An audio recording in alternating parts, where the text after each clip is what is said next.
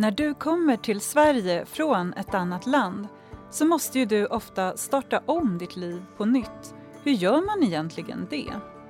I det här avsnittet gästas vi av Tanja Twana. Hon kommer att berätta om sin livsresa och ge dig många bra tips. Det här är Arbetsförmedlingens Ny i Sverige-podd med mig, Nina Kjellmark.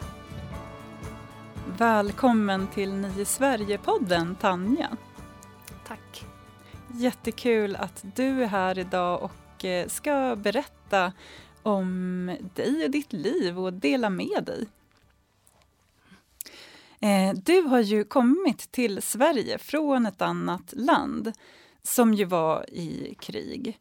Eh, och idag så vet ju jag att du jobbar som verksamhetssamordnare inom IT och att du även har varit aktiv tidigare inom politiken.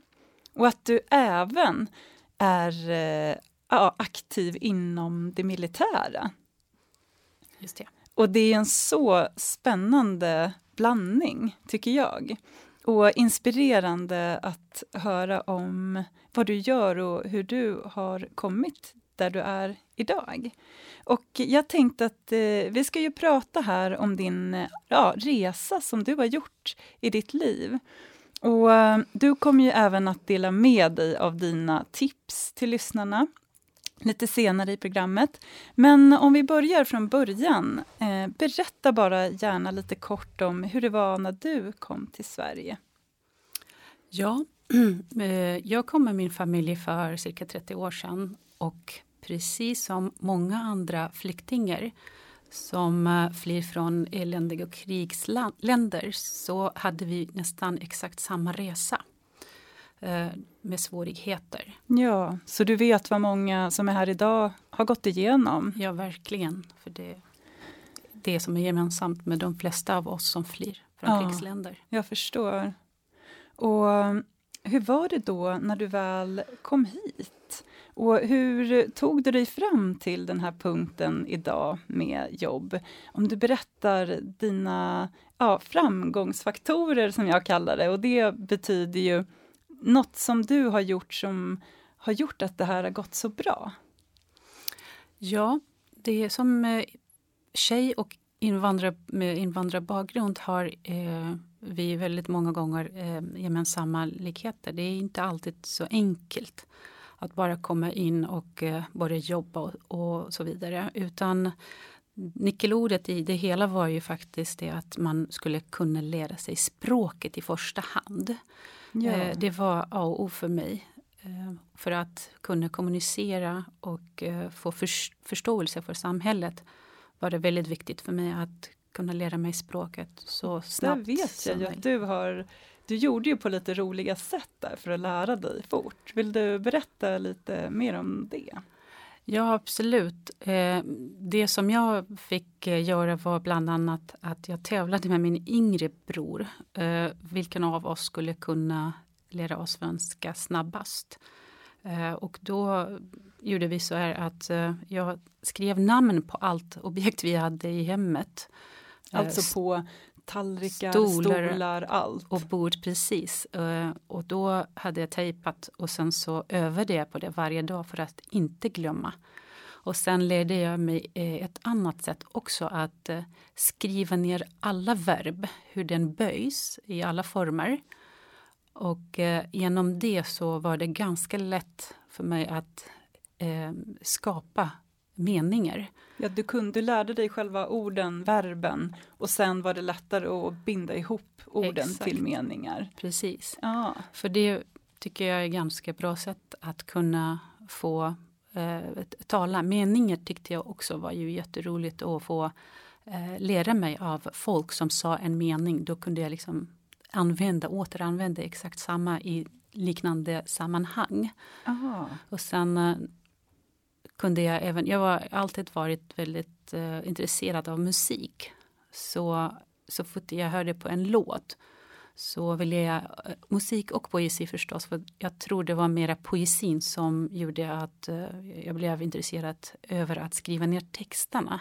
Jaha, och så, då lärde du dig svenska på det sättet? Det var väldigt också. stor hjälp för mig för att jag märkte det att uh, jag ville förstå även innehållet i poesin, i musiken.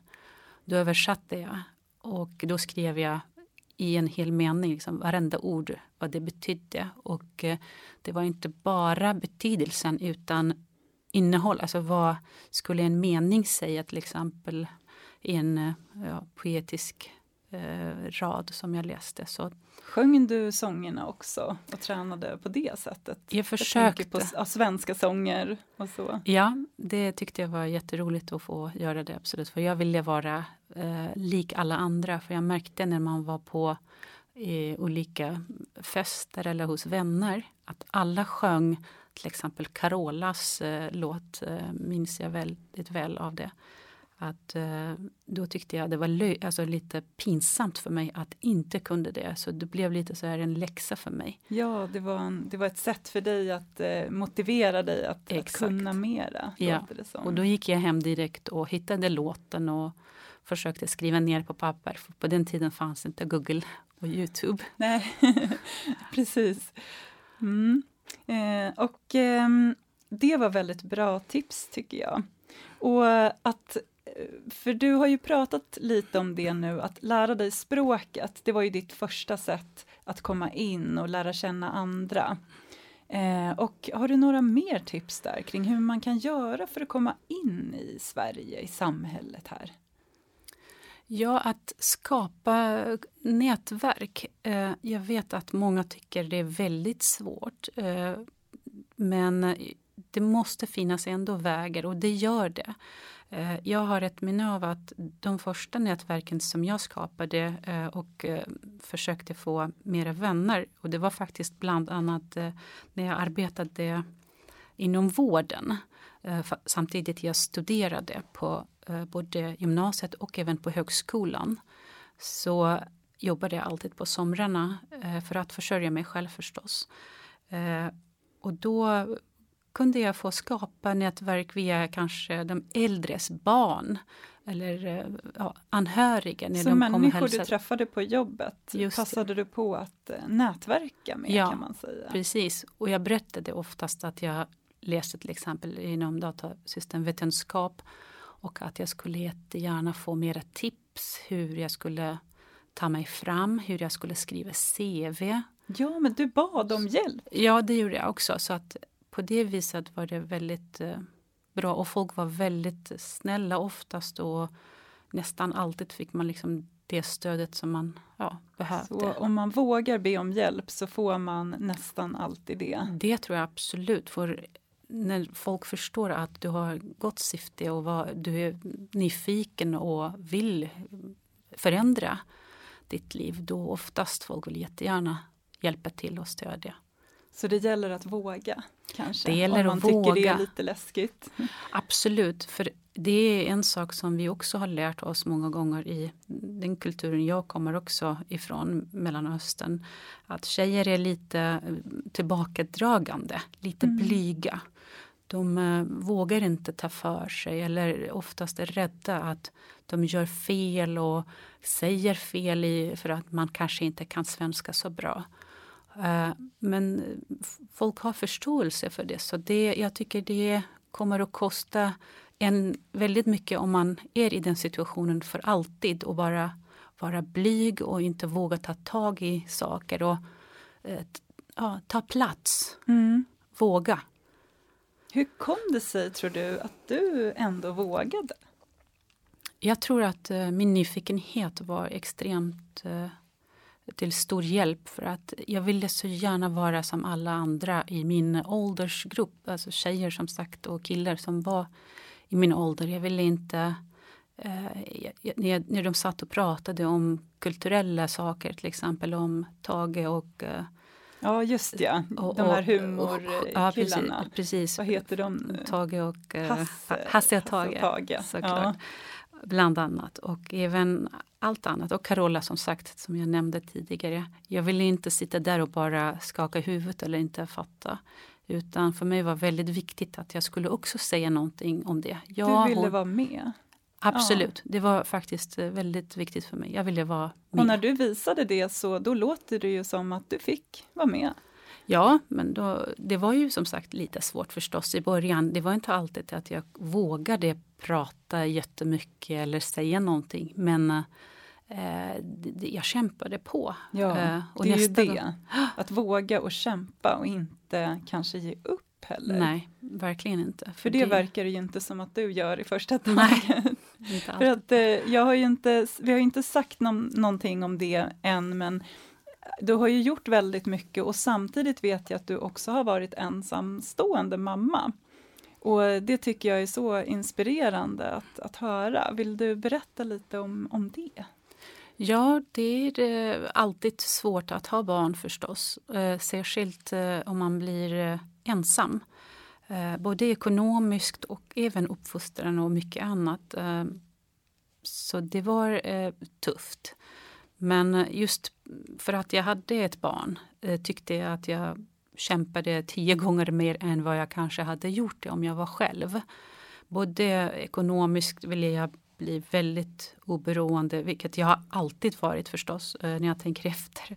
Mm. Eh, och även att visa jag är en tuff mamma och jag klarar eh, mig väldigt väl och att ja, faktiskt för att barnet också ska lära sig att han, har ett, uh, han har en mamma som kan verkligen stå på sina egna ben. Och en förebild kanske? En förebild, absolut. För, det. för att vissa, det är ju lätt att se såna här saker som hinder, men för dig verkar det ju inte vara så. Att du har inte riktigt sett det på det sättet kanske? Nej, tvärtom. För jag älskar mitt barn så pass mycket som alla andra mammor och pappor säkert gör också. Jag tycker att det är ett ansvar jag har gentemot mitt barn att eh, se inga hinder utan tvärtom. Det finns ju så mycket möjligheter i livet och vi kan skapa våra egna liv utifrån det vi önskar och drömmer.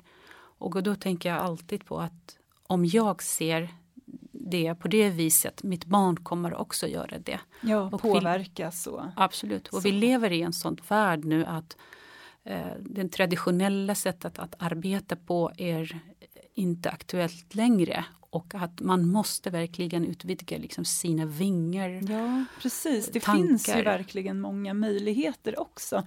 Även om man stöter på problem och hinder så finns det ju ofta vägar framåt.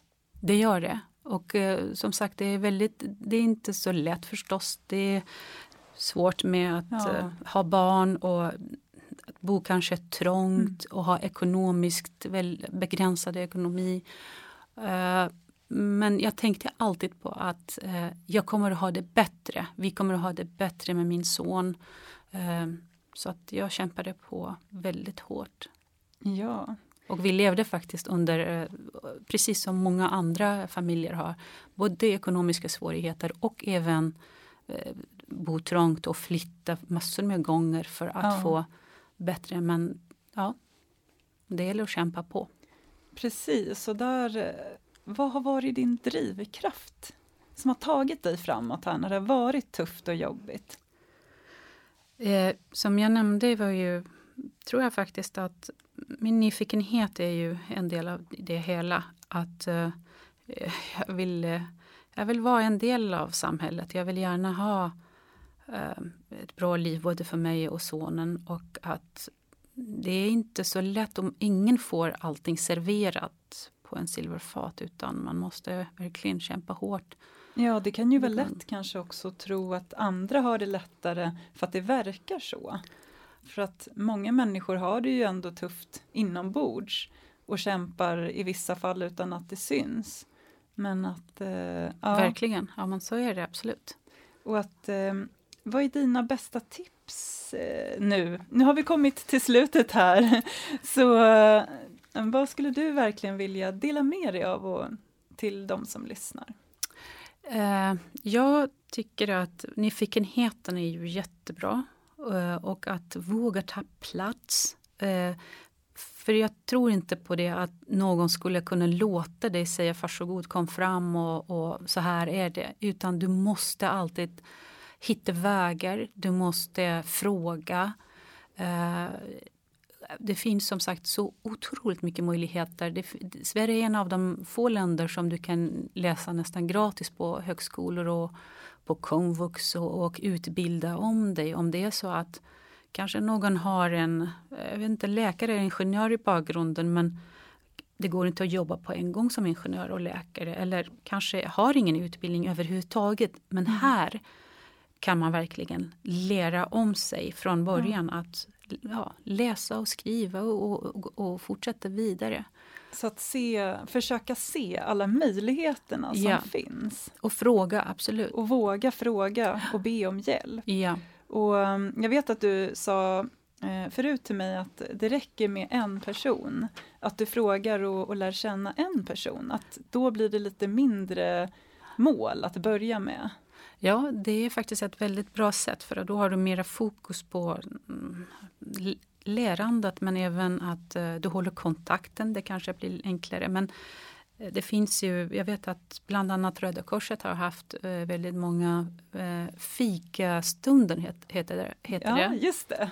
Och, eller det finns ju säkert andra organisationer som samordnar väldigt mycket träff Precis, på biblioteken, biblioteket, Röda Korset och många olika ställen Precis. man kan kolla. Ja, men det huvud eh, alltså saken är ju det att du ska våga. Det tror jag faktiskt väldigt mycket på det att eh, som kvinna är det inte så enkelt som jag sa. Vi har ju den bakgrund många gånger att vi tar med oss.